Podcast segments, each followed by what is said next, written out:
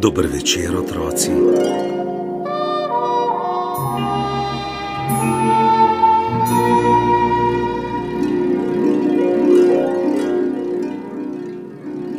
Bila je pozna ura, globoka noč in črna tema. V stanovanju so vsi spali.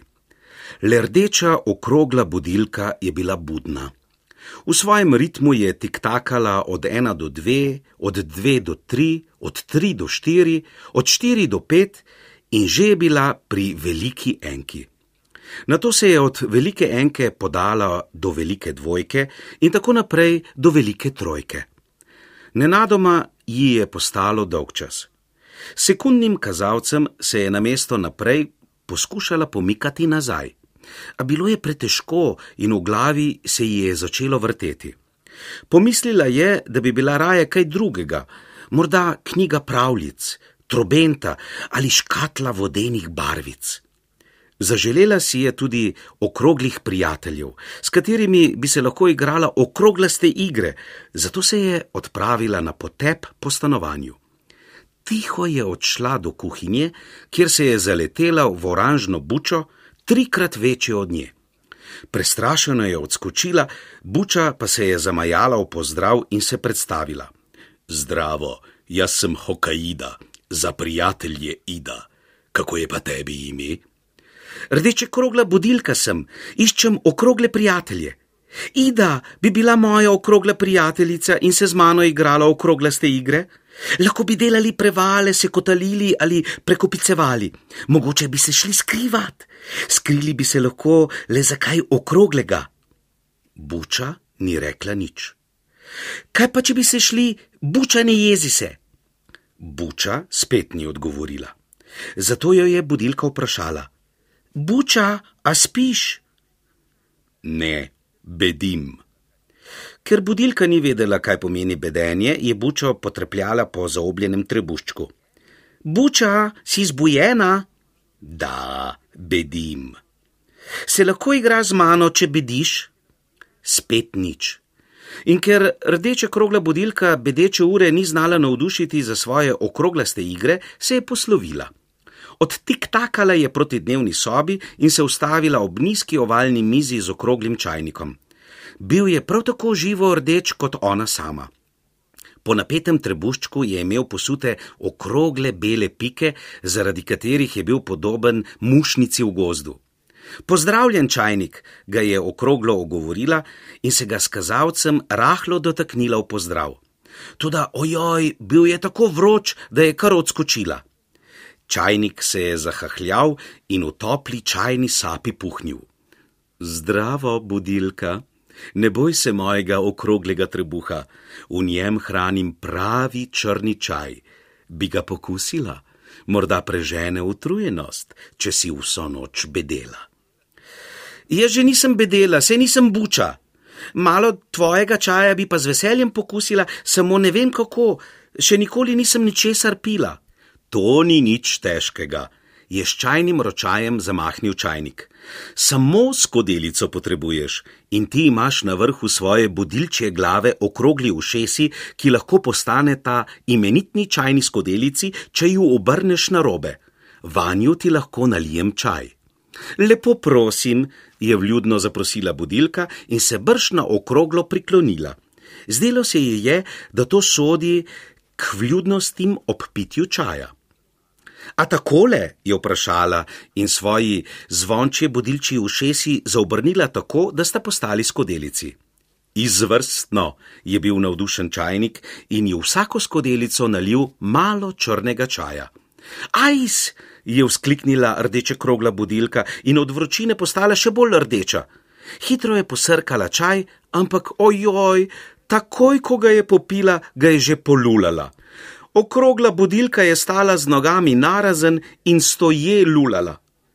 Kaj pa zdaj? je zaklicala budilka.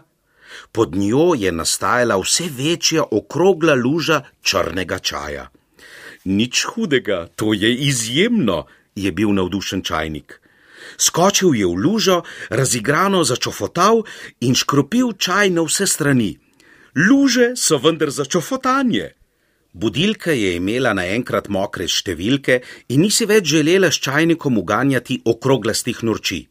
Poslovila se je in odtiktakala dalje proti želvjemu terariju. Ušlo je sonce in želvi sta se zbudili.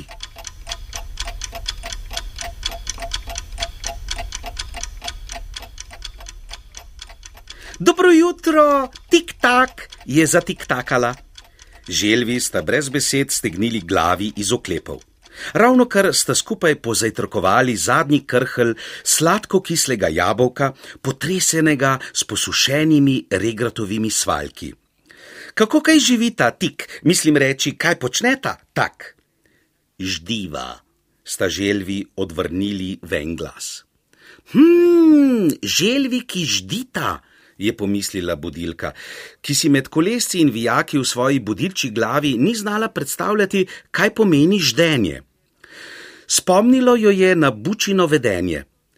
Kako pa se ždi tik tak? jo je vprašala in se z velikim kazalcem popraskala pod pazduho številke štiri, od katere je še vedno kapljal čaj. Na to ti, dokler ždiva, ne moreva odgovoriti, ker potem ne bi več ždeli. Začeli bi preveč razmišljati in razlagati, tu pa bi bilo prav nasprotno od ždenja, je pojasnila tista želva, ki je iz oklepa molela lepo v glave. Druga želva je budilki predlagala: Lahko pa z nama malo poždiš, a prosim, ne tiktakaj tako glasno, ker motiš ždenje.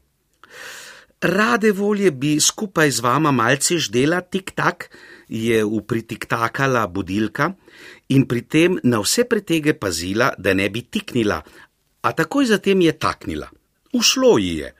Zadržala je tik, a ji je takoj na to ušel tak.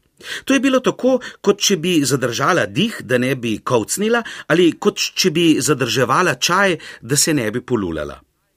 In prav takrat je še bolj zatiktakala tik tak, nerodno ji je postalo. Želvama se je tiktajoče opravičila, jima zaželela prijetno druženje v ždenju in odtiktakala dalje. Tik tak, tik tak, tik tak. Ker se je bližal čas za budnico, se je odkotalila do otroške sobe. Vzela je za let in v dvojnem saltu pristala na nikini nočni omarici. Na vse glas je zazvonila: Drin, drin!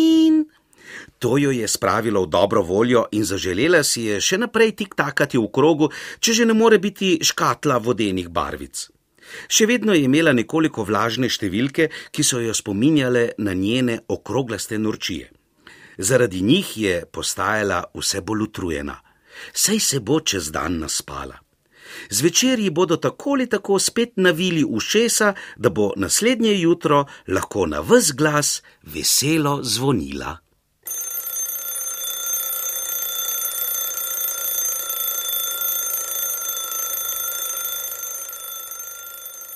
Budilka, nehaj zvoniti. Zdaj je čas, da otroke povabimo v sanje. Jutri zjutraj pa boš lahko na vse glas zvonila in vabila v nov dan. Dotlej pa lahko noč budilka in lahko noč otroci.